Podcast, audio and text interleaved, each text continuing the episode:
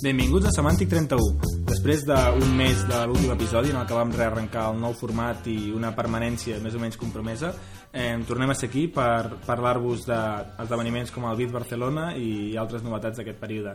Què tal, Massumi? Molt bé, gràcies. I molt rialler. I Bernat? Sí. Com va? Molt bé, molt bé, molt bé. Tot bé. Molt bé.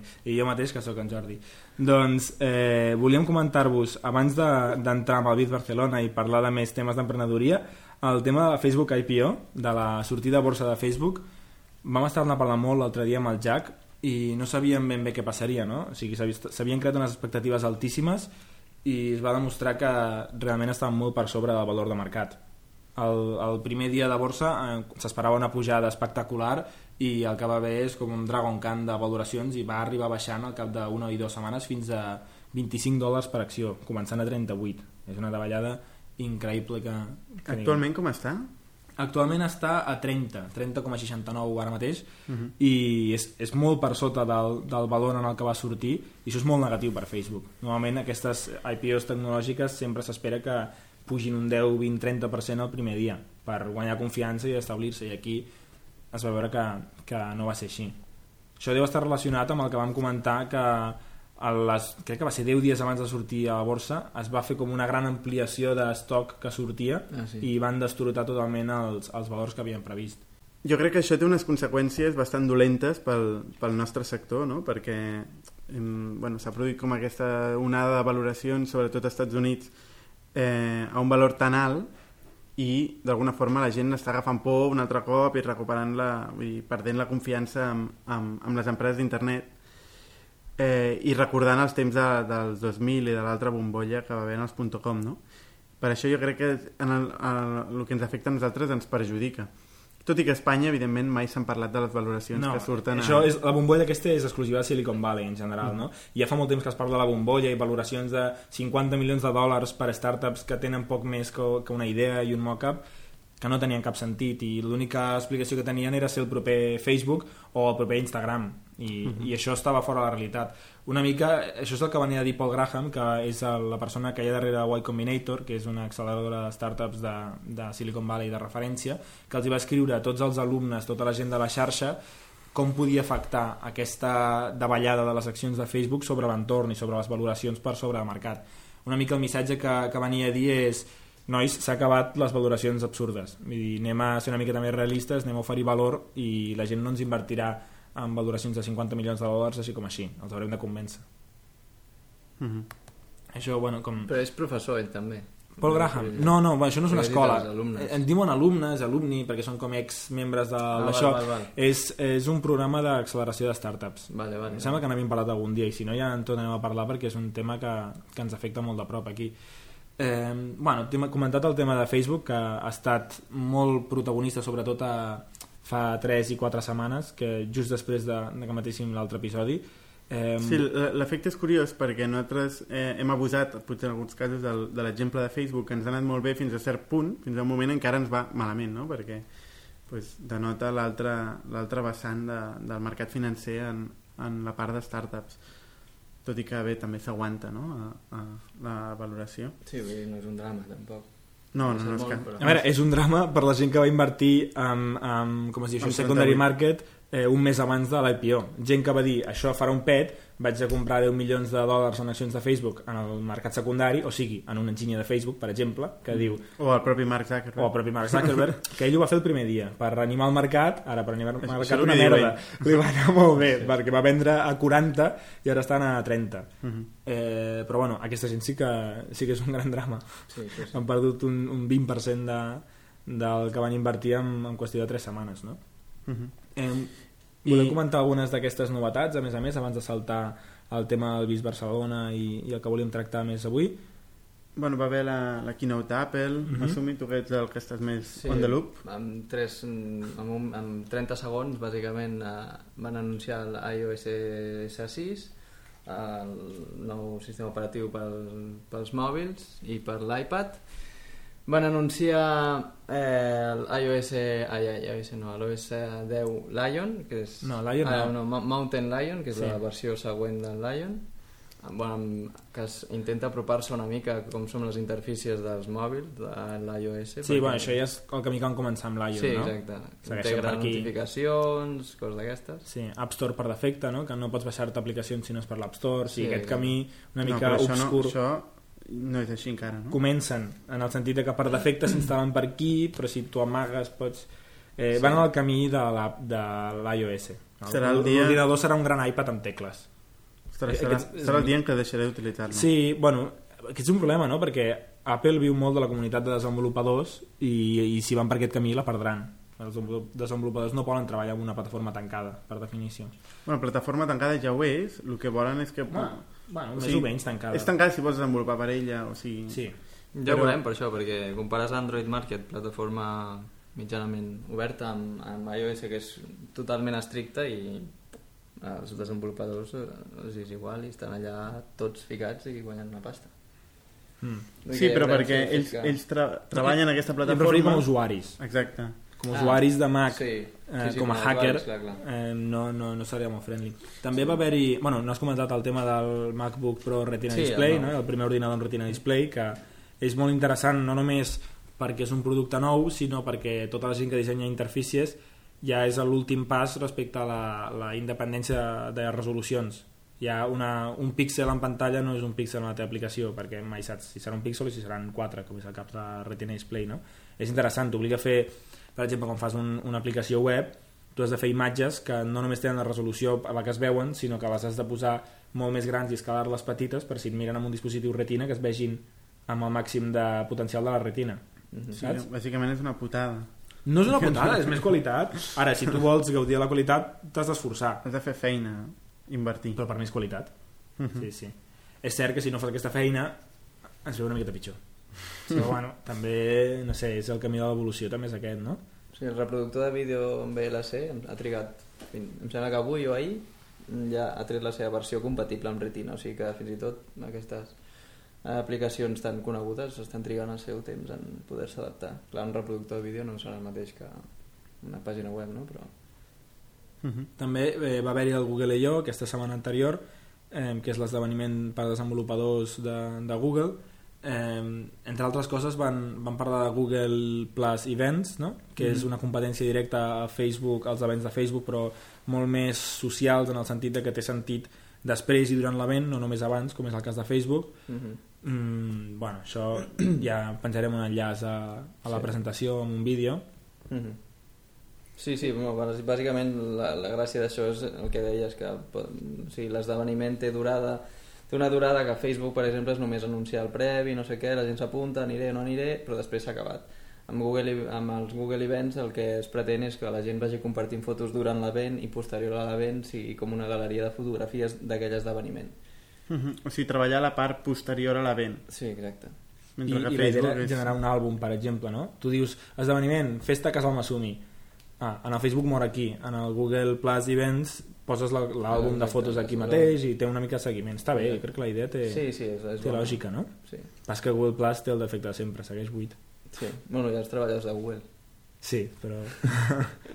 és, és Jo crec que d'alguna forma Facebook va començar com un lloc on, on poder-te ajuntar amb els amics i intercanviar informació eh, però sobretot del, per al marujeo o sigui, per Sí, saber què sí, està sí, fent sí, el l'altra gent màxim. i cada vegada va més cap a, cap a això cap a, cap a ser un registre, una mena d'àlbum virtual Mhm. amb, amb tot el que fas no? Facebook. Des del teu naixement. Facebook, eh, Google Plus i, i, i Path eh, casualment que era un, un exemple que vam parlar aquí Amb el Jack, no?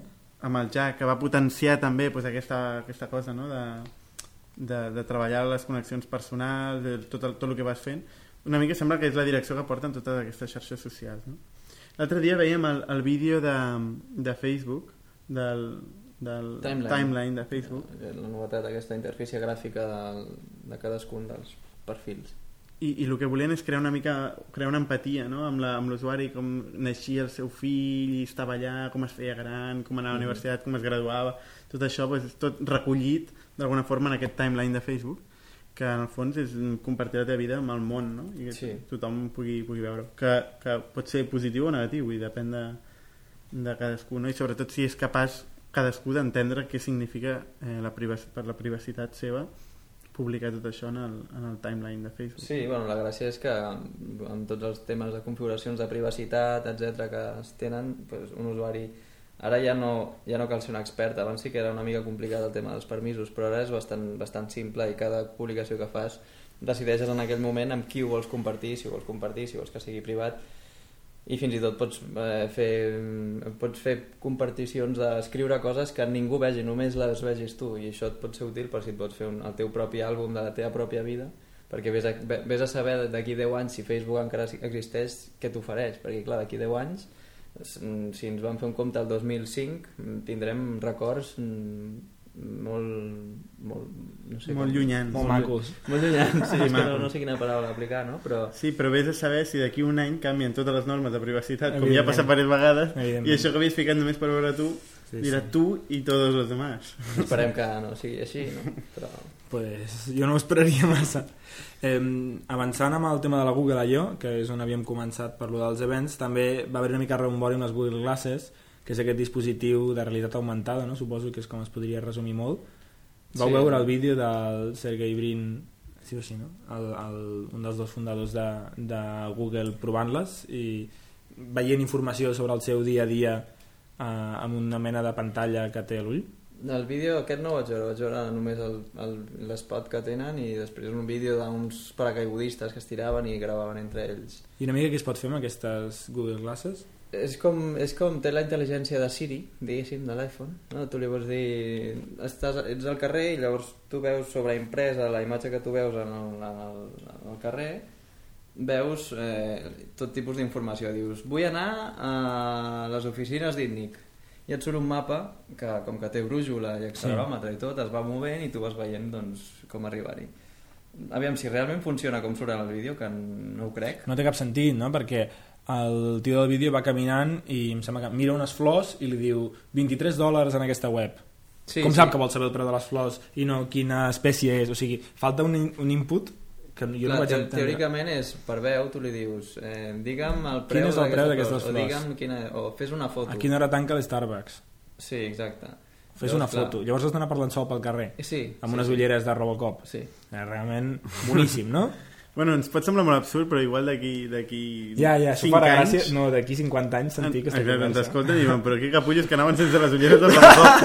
que no sabien com valien les flors ni quan tancava l'Starbucks. El bo d'això és que ja han aparegut els vídeos de paròdia oh, sí, era molt ah, sí. bo. on surten els AdWords enxufats a tot arreu, la, la no? A tot arreu mires, vas publicitat... Miraves les flors i veies eh, Flores Navarro, ocupant a mitja pantalla. Sí, sí, publicitat gratuïta. Un espai a Flores Navarro. Sí, sí. Doncs sí, sí, sí un altre event que, que hem tingut aquests últims dies, que és en el que ens volíem centrar, no? és el, el Saló de l'Emprenedor, crec que es deia abans, que ara tothom li diu Vis Barcelona, que va ser aquí el, a la Fira de Montjuïc els dies 13 i 14 de, de juny, i bueno, nosaltres com a Índic hi vam anar perquè molts dels projectes que busquem i amb qui treballem estaven per allà i ens volien presentar la seva idea. Entre, entre molts emprenedors que hi havia ens va sobtar un tema que creiem que era interessant i feia dies que volíem parlar, que és el tema del crowdfunding Concretament ens vam trobar amb My and Best. Per si no enteneu la paraula, eh, és, en català es diu micromecenatge. Això dius de crowdfunding, no? Sí. Sí, micromecenatge. I el, I el que ve a ser, perquè ni els noms no, no diuen, no donen informació del concepte, és bàsicament buscar financiació per projectes, activitats o obres que vulguis fer, o empreses. productes, empreses, el que sigui. Ajuda humanitària. Caritat, sí, sí. A través de petites donacions de molta gent, o sigui, d'una massa gran de gent, no? Bàsicament eh, el que es fixa en aquest tipus de llocs és una quantitat on arribar i llavors s'obre convocatòria a tothom qui vulgui participar, que pot ser una, una quantitat més petita o més gran, fins a arribar a la quantitat que es busca. Eh, hi ha una, un sistema de pagament que fa d'intermediari i que el que fa és, si s'aconsegueix aquesta quantitat i es pot dur a terme el projecte, perfecte, ho, ho dona en els, en els que han muntat aquesta activitat i si no, es retorna al seu propietari original. La gràcia és que dona molta seguretat o sigui, si ara Masumi, per exemple, diu que vol fer un projecte on crearà un curs multimèdia de Tai Chi, ell diu, mira, necessito 10.000 dòlars per començar-lo. I llavors jo dic, mira, jo et donaré 50 dòlars, però si només aconsegueixes reunir 300, no hem perdut els 50 dòlars, sinó que la plataforma diu, té, te'ls torno perquè no ha arribat a l'objectiu. I en canvi si aconsegueix el mínim sí que li donen els diners al Masumi llavors tu a canvi tens doncs si és un producte acostumes a tenir un descompte en la primera comanda de productes si és una empresa pots tenir percentatge. Si és una, humanitat, una, una activitat eh, humanitària, per exemple, doncs t'envien un certificat o, o t'envien un vídeo. Abans parlàvem amb, amb la gent de My Invest hi havia un projecte d'un un sistema d'extracció d'aigua a un país, no recordo, centreafricà en el qual per la donació de 50 euros et donaven una talla de fusta que tenia un valor ínfim però era simbòlic i era un agraïment que feia la gent del poble que rebia, que rebia la, la infraestructura aquesta que valia, em sembla que només 5.000 euros. Eh... jo crec que una, una de les parts que tu dius dona seguretat és, és això, saber saber que, que si no es compleix amb l'objectiu et retornen els diners, que no els hauràs perdut, però també crec que és important de cara a les pors de, dels usuaris saber que realment aquest projecte es du a terme correctament. No? Jo no sé fins a quin punt aquestes empreses arriben a validar els projectes i arriben a validar com, com s'estan executant. No? Jo imagino que no, no? però vindria a ser com qualsevol altra font d'inversió o financiació que cadascú s'ha d'espavilar. Però això, tot el que és peer-to-peer, -peer, una mica, que en el fons això vindria a ser un peer-to-peer -peer d'inversió en projectes, hi ha una part que has de confiar en l'altra. eBay, ah. per exemple, no et garantitza que el que estàs comprant és el que et diu que estàs comprant. Sí que t'ajuda una miqueta amb mecanismes de denúncia, però no t'ho garantitza. Interpreto que serà el mateix, hi ha, hi ha un mínim de confiança. Sí que és cert que s'han d'aprovar els projectes i, i bueno, no hem, no hem comentat noms però el, el que ha tingut més hype i més reconeixement d'aquest tema és Kickstarter que és un, una empresa nord-americana que s'especialitza sobretot en projectes creatius i hi ha, hi ha hagut projectes amb moltíssim d'èxit un d'ells és un videojoc de, em sembla que el creador de The Day of the Tentacle o un d'aquests videojocs molt mítics volia crear-ne un de nou i el procés tradicional de fer un pressupost, demanar-lo a l'estudi, etc eh, no li donava la gana fer-lo va dir, saps què? Li oferiria als meus fans. Va fer un vídeo que és com una mini superproducció, molt ben fet, explicant el joc que farà, l'equip i tot, i va aixecar diversos milions de dòlars. Si, si em doneu un segon, ho busco. Sí, mentrestant, uh, un altre exemple de projecte que va, ha anat bastant bé és un rellotge que es diu Pebble. Mm -hmm. Pebble, que, Pebble Watch. Pebble, Pebble. Sí que és, és bastant interessant eh, funciona tant amb l'iPhone com amb l'Android i bàsicament és com una mena de pantalla, o sigui, tu en el teu rellotge pots veure les notificacions que reps a l'iPhone i per exemple si, es, si tens, és un rellotge submergible i per posar un exemple no? Si tens el rellotge posat, posat al canell i l'iPhone el tens a una cadira pots eh, estar nedant a la piscina veient si, si t'està trucant algú eh, en el rellotge. Pots veure un SMS, pots veure l'hora i pots respondre des d'allà o no?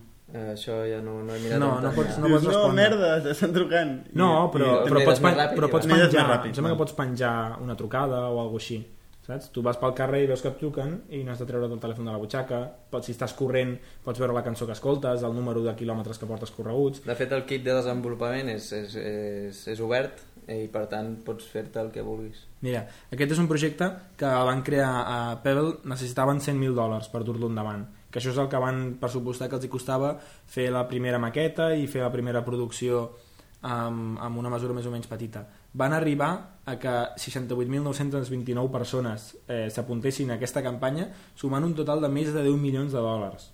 O sigui, Però això, això, això va en contra dels principis que jo generalment parlo als emprenedors quan... De Lean quan... Startup. No, Lean Startup no. O sigui, és el fet de que tu necessites X per dur a terme el teu projecte, eh, X més 10 milions? No, però és que aquí la gràcia és que en aquest cas això és eh, pre-orders, són precompres.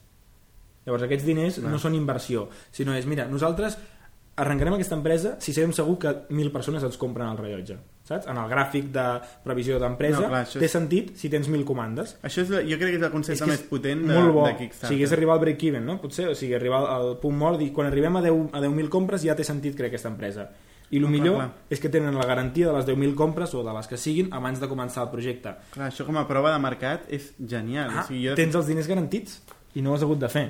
És molt bona idea. Sempre n'utilitza tothom, no? Si aconsegueixes, la teva proposta de valor aconsegueix convèncer tanta gent mm. com per vendre les primeres 1.000 unitats, aconseguiràs amb això, aconseguiràs inversió, aconseguiràs de tot, no? Normalment, sí, sí, no, és, és molt bona idea, però perquè entengueu també l'exemple de quants diners decideix donar la gent, eh, normalment el que s'ofereix per projecte són diferents graus d'implicació. En el cas del Pebble, que és aquest rellotge que, que comentava el Masumi, si, si donaves o pagaves menys de 99 dòlars tenies una menció i et subscrivien a la newsletter. Una menció a Sí. Twitter. Era, no, no, una menció amb una web que deuen tenir de donar, de donar Amb un, donants. amb un robot que dona, fa mencions Que no automàticament. serveix de res. Vaja. Si dones 100 dòlars tens eh, un, un Pebble Watch estàndard, si en dones 115 de color, si en dones 200 eh, el Premium daurat, si en dones 250 pots triar de quin color el vols, edició limitada només per tu, si en dones 1.000 eh, tens un pack de no sé quants rellotges i si en dones 10.000 ja em sembla Donen que... 100 rellotges de qualsevol color. Sí, i et, et passegen per T'omplen seva la casa de rellotges. i, bueno, és un I, exemple. i, com, i com, com s'han fet per aconseguir aquestes fotos tan reals, no? No, perquè Han tirat de Photoshop a- No és un prototipus que, que és Ah, vale. funcional, sí, sí. El que passa és que No, per però- construir-lo en massa necessita... Com deia Bernat, és important. Una constant de Kickstarter és que el contingut sempre és de molta qualitat. Hi ha Clar, molt sí. multimèdia bo, o sigui, és obligatori posar un vídeo, els vídeos acostumen a ser molt bons, Mhm. i en el cas del Pebble, ja l'enllaçarem en les notes de l'episodi, és, és molt xulo. I l'altre que deia abans del videojoc era Double Fine Adventure, necessitaven 400.000 dòlars i van aixecar 3.300.000 dòlars, o sigui, Mm. gairebé 10 vegades el que Però el necessitaven. del rellotge encara era més espectacular, eh? Bueno, sí, de 100.000 a 10 milions, Mm. mm. sí, 100 vegades més. Mm. De, bueno, una de les proves de que aquesta gent els hi va bé és que han aparegut diverses, diverses, com, diversos competidors que fan Sí. exactament el mateix o que s'especialitzen en nichos concrets de mercat Sí. que podrien Sí. ser pues, eh, més artístics, especialitzats, en audiovisuals, en produccions liter eh, més eh, literàries. literàries, musicals, alguns amb, amb fins socials únicament eh, i altres amb temes més empresarials, com una barreja entre crowdfunding i micro business angel saps? De, hi ha només projectes empresarials i gent que diu jo en comptes de donar-te un 10.000 donaré 1.000 a 10 i són plataformes que fan això. Eh, una, una una em- empresa que s'ha creat aquí a Barcelona amb la qual vam parlar nosaltres que és el que comentàvem al principi és My Invest i més o menys és el model aquest que comentàvem ara però més horitzontal eh, que serveix tant per projectes culturals com empresarials per socials. I la idea és aquesta.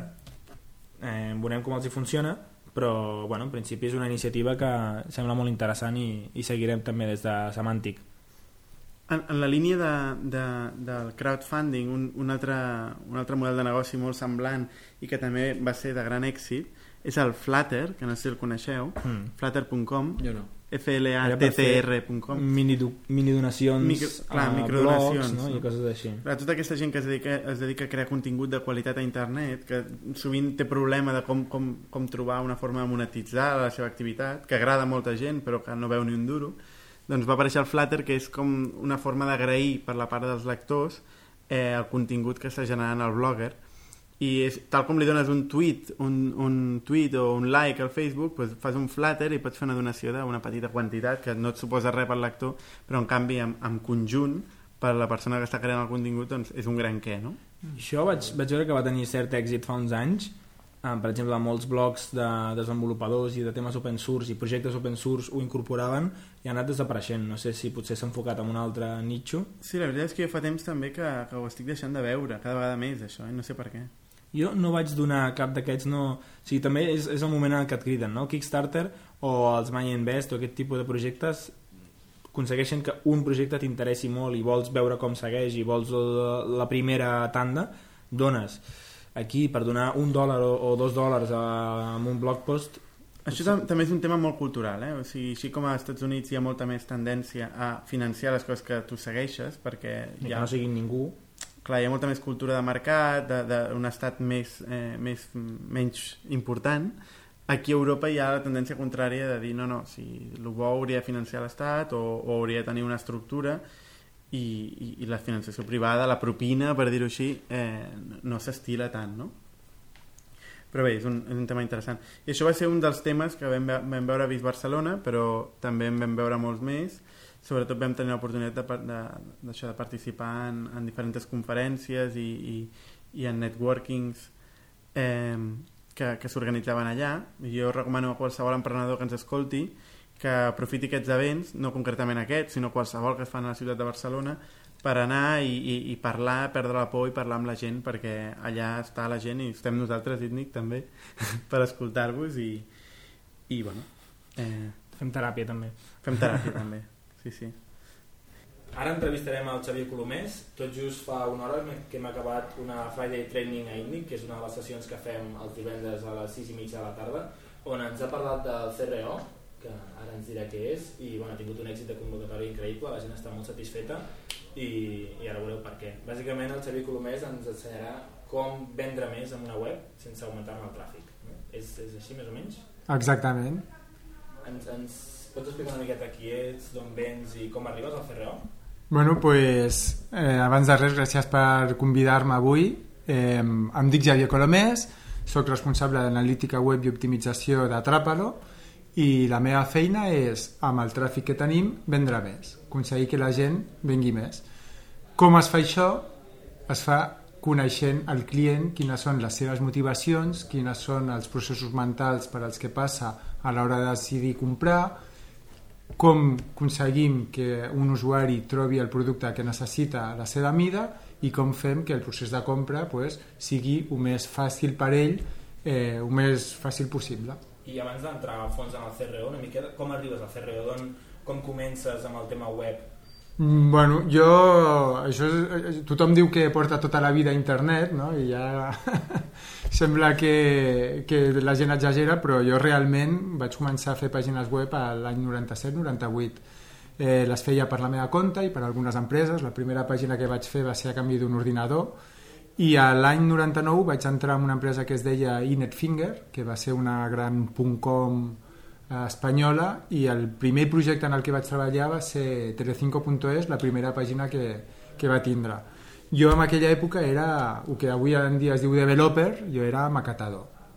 I bueno, era un perfil òbviament júnior, vaig començar macatant, allà vaig començar a aprendre eh, JavaScript, CSS, eh, programar en PHP i a poc a poc pues, vaig anar aprofundint amb, amb el desenvolupament, però el meu, el meu background i la meva experiència és de, és de, de desenvolupador. Vas estudiar abans de ser programador? No, jo vaig estudiar Ciències Polítiques, que vaig compaginar amb aquests anys amb la, amb la feina a Inetfinger, però no, no, mai vaig estudiar res de programació, ni de... és que en aquella època no hi havia res. Jo mirava la carrera informàtica perquè jo ja sabia que em volia dedicar algun dia a internet, però no hi havia res per estudiar informàtica en aquella època no es tocava res de web, parlem I del 99 encara no es toca molt eh? i encara no, es toca no. molt vull dir, no, no, no hi ha una carrera o sigui, hi ha màsters ara però en aquella època de fet ja t'introdueixo l'anècdota eh, una de les coses que començaven en aquella època era el DHTML, dinàmica HTML us en recordeu, no? I a més l'època que lluitava amb Flash i tot això Eh, jo vaig tindre que aprendre per la meva compte, per la feina, i tot el que anava aprenent de llibres anglesos i blogs anglesos i tot això ho vaig anar ficant en una web en espanyol, que ja no me'n recordo com es deia, però bueno, una web que tenies d'HTML, un petit manual en castellà. Era tal la necessitat d'aprendre que Anaya va, connectar, va contactar amb mi i em va proposar fer un llibre sobre d'HTML, perquè és que ningú parlava d'això, o sigui, sí que es parlava però no hi havia suport físic, no hi havia on, on aprendre. Jo que no era informàtic vaig fer una guia pràctica sobre HTML. I per què internet? Què t'agrada tant de la web? Bueno, jo me'n recordo, com si fos ahir, eh, jo vivia a Madrid en aquella època i per mi l'evento de l'any era anar al Simo a connectar-se a internet i xatejar per IRC amb gent de tot el món i era una cosa, jo que soc de perfil social a mi allò de parlar con, con un Thomas de Massachusetts a mi me semblava espectacular i a la que vaig poder vaig tindre internet a casa i jo vaig començar a fer pàgines web perquè fèiem quedades d'IRC riu-te tu del social media que sembla que s'ha inventat ara qui ha estat a IRC allò sí que era social media de veritat. I fèiem quedades i clar, necessitaven pàgines per penjar les fotos. És que era una necessitat realment. I bueno, jo vaig començar amb el front page amb el Dreamweaver 2 d'aquella època i anava fent paginetes per penjar les fotos i així ens vaig començar. A la que es va saber, hòstia, hi ha algú que sabe fer pàgines web a mi literalment em van treure de la universitat Sí, era en plan, es que hace falta maquetadores, és que era una demanda en les anys de la bombolla. És que sou molt joves vosaltres, però l'època de la bombolla era molt heavy. Era, bueno, tothom necessitava una web, ningú sabia per què, però es tenien que fer webs a cascoporro i bueno, I d'aquí vas saltar a altres empreses més fortes, no? encara internet? Bueno, això va ser després. Eh, quan va esclatar la bombolla, jo vaig estar 3 anys amb aquesta empresa, quan va esclatar la bombolla el 2003, l'empresa va passar, jo vaig ser la, fetx, la fitxa 126 d'empleat, van arribar a quasi 2.000 i van acabar a zero. O sigui, típic pelotazo... Típic.com d'Espanya. Típic.com d'Espanya. Vam fer les webs de Suzuki, eh, Athens, feien productes per ells, vam fer pàgines superimportants. I quan va passar tot el tema de l'esclat, terra, tal, tot se'n va anar a Norris. Llavors, en aquella època sí que vaig seguir fent pàgines web de manera freelance, vaig acabar els estudis i feia el tema dels llibres. Eh, quan vaig començar amb tot el tema del màrqueting online, pues, vaig fer, va ser un cas molt curiós. Vaig fer una pàgina web per una empresa d'un familiar en un tema relacionat amb hotels i bueno, jo feia el disseny, feia la programació perquè portava PHP ho vaig fer tot. I quan li vaig entregar la pàgina i estava allà em va dir hombre, muchas gracias pero esto tiene que vender. Vaig dir com que vender, jo hago pàgines jo no sé Aleshores, clar, el primer que vaig tindre que fer és que tingués visibilitat, tràfic, i allà em vaig començar a ficar en temes de SEO i CPC, perquè SEO no donava la pàgina com per posicionar molt bé i CPC, i aleshores allà vaig descobrir tot el món que hi havia darrere de eh, una pàgina web que és el, la banda de negoci. A mi sempre m'havia agradat el màrqueting i aquí va ser quan vaig juntar el, pues el que m'agradava a mi, que era fer pàgines web, i el que m'interessava, que era el màrqueting, i el nexe d'unió va ser l'analítica web. Jo el primer cop que vaig utilitzar Google Analytics per un projecte eh, que gestionava jo, que va ser aquest, jo tots aquells numerets em deien coses i em vaig trobar molt còmode i vaig anar a un Conversion Thursday i això estem parlant de 2008, 2009 no, no fa tant però ja vaig dir, esto es lo mío I de, del màrqueting al SEO i, i CPC, quina relació li trobes? com del... Sí, quina relació trobes entre el màrqueting que dius que t'agradava tradicional mm. I el SEO i CPC, que potser tenen un perfil més tècnic o una necessitat més tècnica? Sí, però al, al ser un producte que, com era un familiar, jo coneixia molt bé, eh, m'encantava, per exemple, una cosa que m'agradava molt era fer els copies del CPC. Vale? Com fer unes propostes de valors, uns copies atractius que tinguessin més CTR independentment de la posició i això sí que m'agradava molt. El SEO sí que és veritat que per perfil tècnic em sortia bastant bé, em sortia sol, un SEO bàsic, eh? també el SEO ha evolucionat i ara no podríem dir que jo tingués un nivell SEO però el SEO d'aquella època, el SEO on page i una miqueta de link building i tal, bé, i ja t'he dit, sobretot el CPC, el disseny de les campanyes, l'estacionalitat, tot, mm, m'agradava molt. Però sobretot veure com tot això portava tràfic a una web i després què passava amb aquelles visites. I això que deies dels copies, de fer copies atractius que cridin l'atenció i tot això, eh, va ser innat, diguéssim? És una, un coneixement innat o ho has adquirit d'alguna manera? No, de fet, de manera innata els meus copis són lamentables i realment sóc molt mal copi jo perquè el copy a mi és una cosa que m'afascina potser com no, com no hi sé com no en sé eh, valoro molt la gent que té aquell don perquè el copy sí que requer, requereix Sí. Sí. un punt de un punt de creativitat innata o sigui, el bon copy jo crec que és un creatiu qui fa. Sí, Per cert, que parlem de copies, copies del contingut de les pàgines web. Sí. CTR és el, hem parlat de CTR, que- CTR és el Perdó. número, és les impressions, eh, bueno, la qualitat, o sigui, de, el Clics per de- impressions. De clics per impressions d'un anunci en un cercador. Un, un link interessant i fa clic. I CPC és el cost per clic. Vull dir, més és comprar tràfic Impressió no vol dir que s'imprimeixi per la impressora, no? que es mostra. Tampoc cal que ens passem. No, no sé, és que s'ha d'ajustar, no? Eh, moltes coses. Deixa'm recomanar, per al tema del copy, eh, tens que ser creatiu, però hi ha tècnica, hi ha molta tècnica. Jo us recomano, hi ha molts bloggers, tots americans, sobre temes de copies. Jo el que a mi millor em va és Copy Hackers, copyhackers.com, té una sèrie de llibres que pots comprar per 40 dòlars i al·lucinareu, són molt bons. Tu el tens, mira, no veus com aquí qui en sap? Però hi ha molts més altres, eh? És, Teniu... és un pack com de... Sí, exacte. Sí, sí, és... I no depèn molt de la llengua, això, el, el, això dels copis? Que Si ho veus en anglès, després tradueixes al català i dius, quina merda, això sona com fatal. No, perquè el que fa Copyhires t'ensenya a pensar i a com Ah, dissenyar. El copy és com la publicitat tradicional, no? No sé si heu vist la sèrie Mad Men, que són uns publicistes de Madison Avenue de Nova York dels anys 40-50, on l'únic que buscaven era el lema de Lucky Strike, de dir fuma, amagant la part de que et matarà i potenciant la part de que et fa una persona interessant. No? O sigui, és, això és la publicitat de tota la vida, potser. És que ara que estem parlant de CRO tenim que ser molt conscients però molt conscients, i ara la gent eh, que estigui escoltant això, molts al·lucinaran que un bon copy pot tindre més impacte sobre les vendes que un canvi d'usabilitat. És a dir, eh, penseu la quantitat de pàgines que no són usables, que realment són barreres d'usabilitat per als usuaris i venen molt. Per què? Perquè la gent vol comprar allà. I quan algú vol comprar, S'esforça. s'esforça i res t'apararà. A vegades, depèn del projecte i depèn del cas, a vegades és més important fer que la gent vulgui comprar que optimitzar un procés. Uh -huh. Ara que has parlat del CRO, eh, explica'ns què, què, què és el CRO.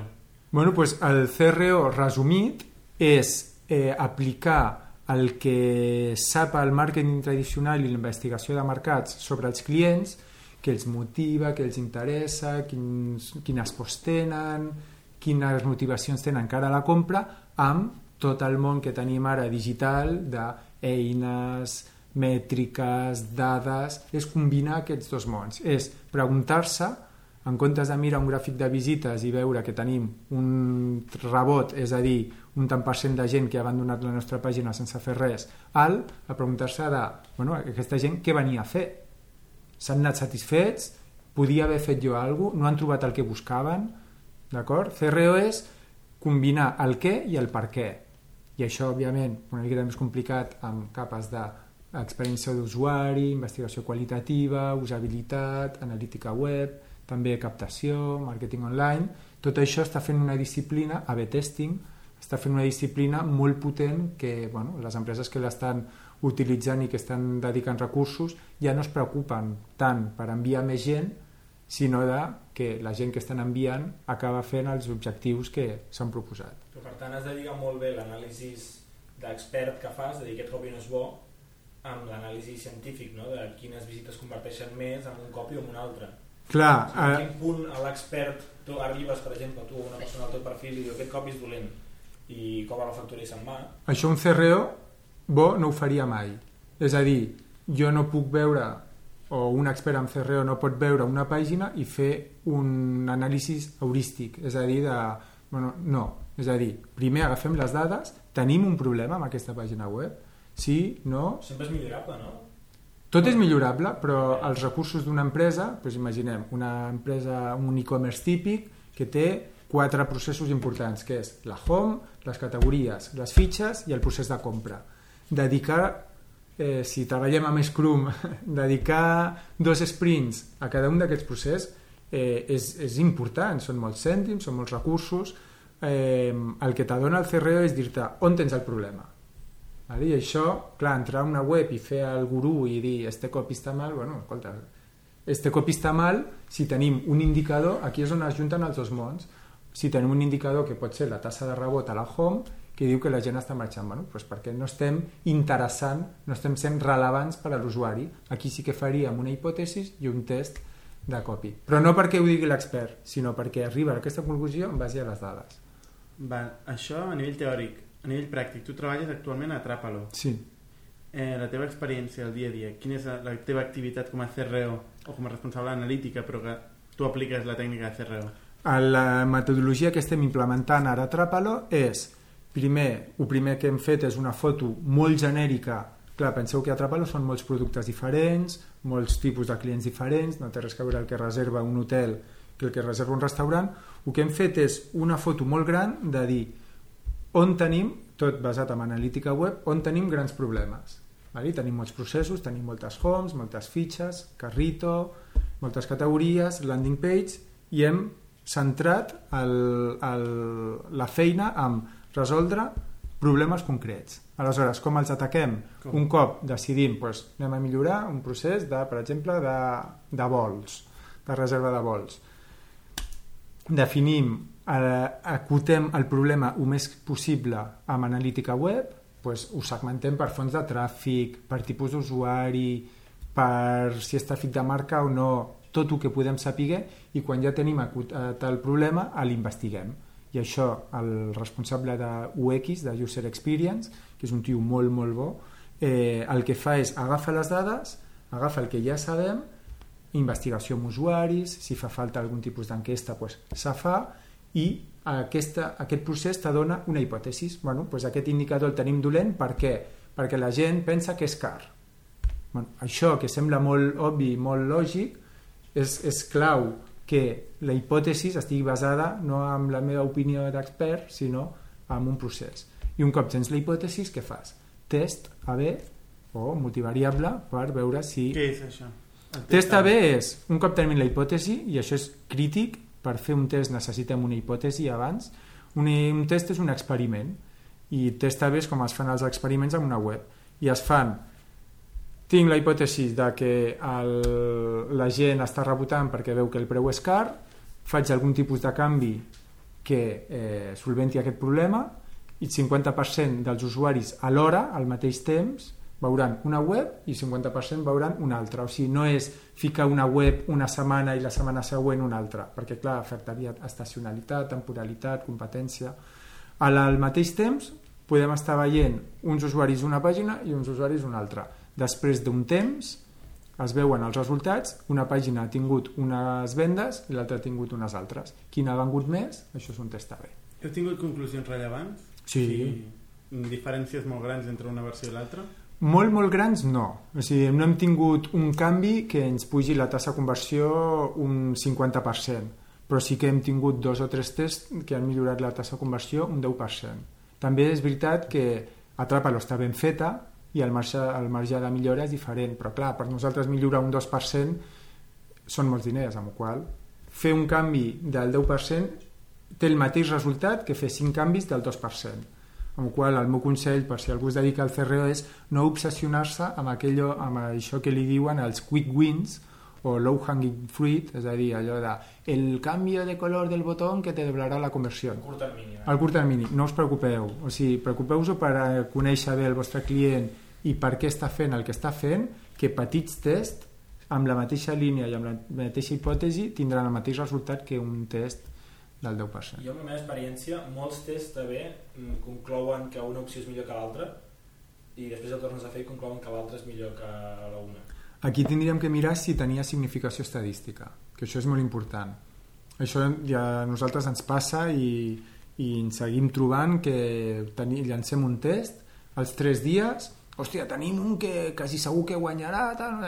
al cap d'un mes potser aquella versió que va començar guanyant acaba perdent per això la significació estadística és tan important per tant fer test de bé sense conèixer sense tenir coneixement mínim estadístic és inútil no? és inútil que conec molta gent que fa pues es tira una moneda a l'aire tiene un 10% más que el otro y, y no tenen ni idea ¿no? no tenen ni idea si això és perdre el temps. Això, la majoria de gent que, de gent que conec que fa test AB té, té aquest problema. Sí. I Home, pren decisions basades únicament en el resultat del test AB i potser el sentit comú t'està dient el contrari, no? Llavors hi ha un punt en què has de dir... Va. També el que passarà és que estan testejant sense hipòtesi, perquè quan tens hipòtesi t'adones compte que un test no és suficient. Sí, la hipòtesi te la dona el sentit comú. No, l'hipòtesi te la donarà l'anàlisi que has fet de les dades. Vale? I també, home, quan analitzem també hi ha un component que és l'experiència personal però aquí el que tenim que fer és no he de decidir tant nosaltres i decidir més en funció del que estem interpretant de l'anàlisi que estem fent de les dades. L'hipòtesi d'aquest producte és car no la pots detectar amb mètriques normals de la gent ve i se'n va. Clar. A no ser que diguis la gent ve i al moment que veu el preu se'n va corrent. Això és molt difícil d'arribar a medir amb, una, amb un e-commerce o amb una web normal. Per això necessitem recuperar les tècniques qualitatives. Per exemple? Pues, enquestes, entrevistes amb experts, entrevista amb el responsable d'atenció al client, focus groups, això el que no és, sigui. Això no és molt car? Avui en dia la gràcia del CRO és que combina les tècniques clàssiques amb la metodologia i les eines d'avui en dia, que fa que sigui molt barat. Fiquem un cas, una empresa, doncs ara tinc el meu mòbil a la mà, Samsung, fer una enquesta fa 10 anys representava molts cèntims perquè tenia que contractar algú que li fes una mostra, tenia que definir la mostra, tenia que fer una sèrie de formularis o trucades telefòniques, tenia que analitzar les dades, era un procés molt car. Avui en dia llançar un Survey Monkey o un Kiss Insights o un 4Q a la teva, a la teva audiència real, a la gent que està passant per, passant per la teva pàgina, t'ha costat menys de 20 dòlars al mes. És espectacular. Però has de tenir un petit coneixement per analitzar aquestes dades, perquè abans has dit anàlisi de les dades. Suposo que molta gent et sentirà ara, serà corrent a configurar Kiss Insights, farà sis preguntes i farà anàlisi sense tenir els coneixements que ha de tenir i, i estem en error, no? Bueno, però jo en aquest cas els animaria a fer-ho. Millor això que res. Perquè descobriran, segurament tinguin, siguin responsables o webmasters o el que siguin d'una pàgina i fa temps que es troben amb problemes que no saben explicar i aquestes enquestes els hi serviran. La meva recomanació és que comencin per preguntar dos coses sobretot. Què has vingut a fer aquí? Propòsit de la visita, i això no ho dic jo, si entreu a la majoria de webs que fan enquestes sempre us la trobareu allà. Eh, propòsit de la visita i consecució de tarea, és a dir, has pogut realitzar la tarea que t'havies proposat, sí o no? I amb aquestes dues mètriques és que, bueno, eh, de veritat que te trobes coses que dius, ostres, això està passant. Val. Una pregunta ràpida, eh, tenim poc temps. Et volia preguntar, tu vas treballar al Mundo Deportivo. De fet, vas ser responsable d'analítica al Mundo Deportivo i a més et, van, et va- vas enganxar al moment en què es va canviar del punt .is al punt .com, Uh -huh. eh, la web del Mundo Deportivo. Com va ser aquesta experiència, aquest canvi? Bueno, va ser, va ser dur, va ser molt dur, però molt enriquidor perquè va sortir tot bé.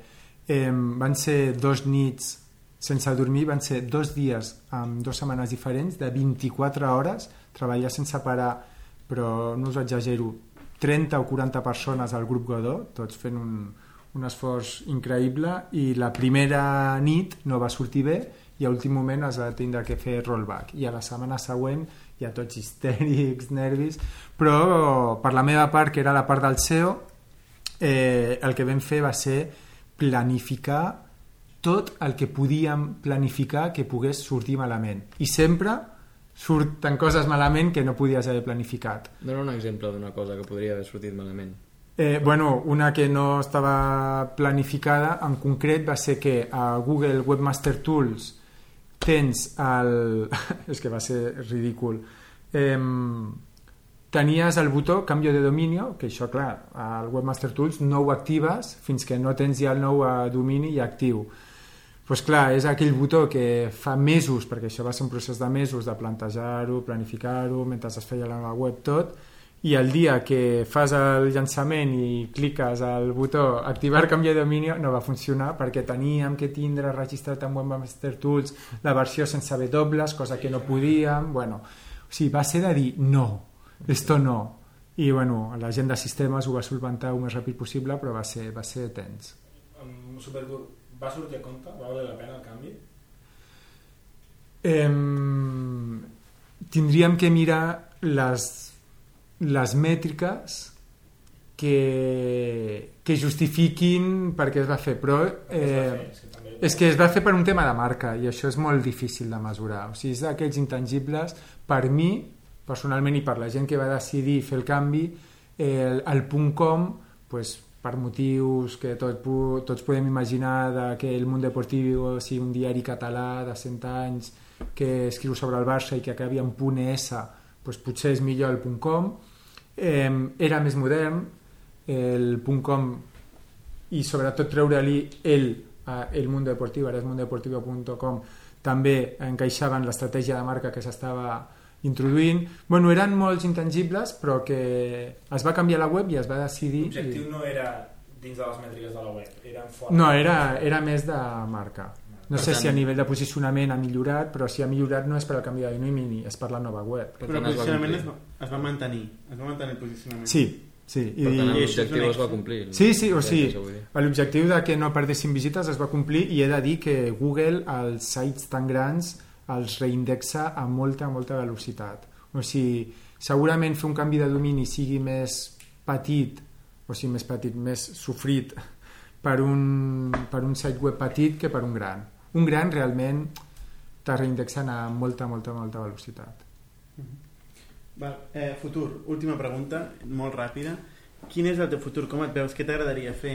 T'agradaria especialitzar-te en la part de CRO? T'agrada treballar amb empreses grans? Treballa, prefereixes crear projectes, concebre'ls de zero i donar una bona estratègia? Què et motiva?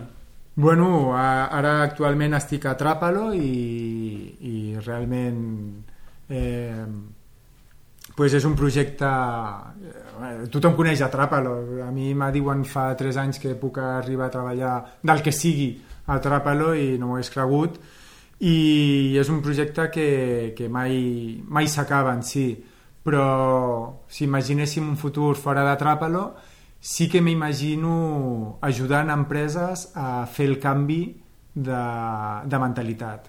O sigui, fer que empreses entenguin que el que ells pensen que vol la gent no és el que vol la gent realment. I és molt d'evangelització i és molt de mostrar i és molt test però sí que m'hi trobo Però el CRO és, és la, la teva disciplina. Sí, sí, jo m'hi veig, jo tinc que aprendre molt més sobretot de la part de màrqueting i de coneixement del client, processos de compra, cicle de, cicle de vida, bueno, coses de màrqueting que no sé, però sí que m'hi veig eh, ajudant empreses a fer el, el canvi. Abans resumís el CRO com el canvi de basar-te en quatre mètriques al canvi a saber qui és el teu usuari. Mhm. No en quant a quin bounce rate té, sinó no, són homes de mitjana edat que busquen comprar un pis a Girona o, o Correcte. és gent que mira un catàleg i vol saber que aquest restaurant es menja millor o gent que vol comprar una entrada. Bueno, entendre el que passa per darrere de, No que hi ha a l'altre cantó. per perfil humà més. Ah, exacte, i juntar les dues coses. És la part de psicologia, no? També. I ja és que aquí entra neuromàrqueting, psicologia... El problema és que ho veig massa, massa genèric, o sigui, hi ha analítica web, òbviament, perquè sense les dades no saps res, però després entra el tema del copy, o sigui, al final acabes de, de, de, de veure, el copy m'està fent que aquesta gent vulgui fer una cosa o vulgui una altra, la t'ho la ficaré- tècnica... T'ho poso molt senzill. Eh, són moltes disciplines diferents, però que totes serveixen un mateix.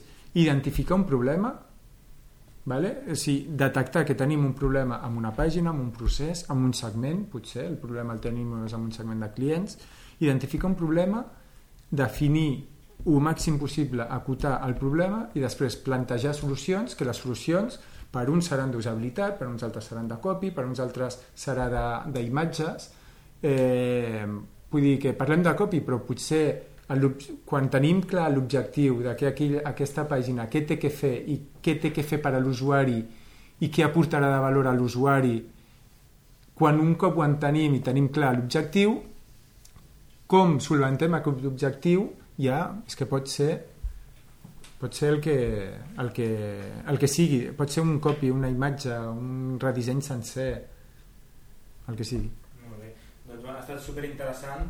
Eh, la gent que li interessi aquest tema i que no hagi tingut prou amb, amb 20 minutets de- d'aquesta xerrada, què, què els hi recomanes? On, on poden tenir informació Home, pues- sobre el que fas i, i aquesta ciència branca de- d'internet? pues ho tenen facilíssim perquè tinc un blog que es diu Conversion Garden Conversion Jardín, el jardín de les conversiones. Vale, pues conversiongarden.com eh, està en anglès i en espanyol però el contingut més actualitzat està a la versió en anglès. I allà trobareu molts consells i molta metodologia i, i molta informació sobre això que estem parlant. També enllaçarem la, les transparències de la xerrada que has donat a la Friday Trading d'ITNIC, que ha estat molt, molt interessant i comentaves que estaven online. I que esperem que torni d'algun altre dia parlant-nos d'algun altre tema, també. I Sí. sí. ara passada convidem els oients de Semàntica a alguna Friday de- d'aquestes zona Barcelona. Jo us ho recomano que vingueu perquè de veritat estan molt molt bé, l'ambient és genial i estar en un acte en el que t'estan parlant i pots prendre una cerveseta, de veritat és un gran win, un for the win que es diu ara. Moltes gràcies per, per haver vingut. No, a vosaltres. molt. I ja saps que aquí, bueno, és casa teva, eh? Semàntic, ítnic, etc. Moltes gràcies a vosaltres. Doncs bé, una entrevista molt interessant. Jo personalment he après moltes coses i us recomano un altre cop, com ja heu sentit a l'entrevista, que vingueu a les Fri- Friday Trainings que es fan aquí a ITNIC, que s'aprèn moltíssim i, de fet, divendres, doncs cada divendres hi ha una cosa, un tema diferent i molt interessant. I si teniu suggerències de, de nous temes o nous entrevistats que us agradaria veure Semàntic, tampoc dubteu en dir-vos a través de les xarxes socials, a Twitter Semàntic Podcast, a Facebook Semàntic Podcast i podcast arroba semàntic.cat. Gràcies.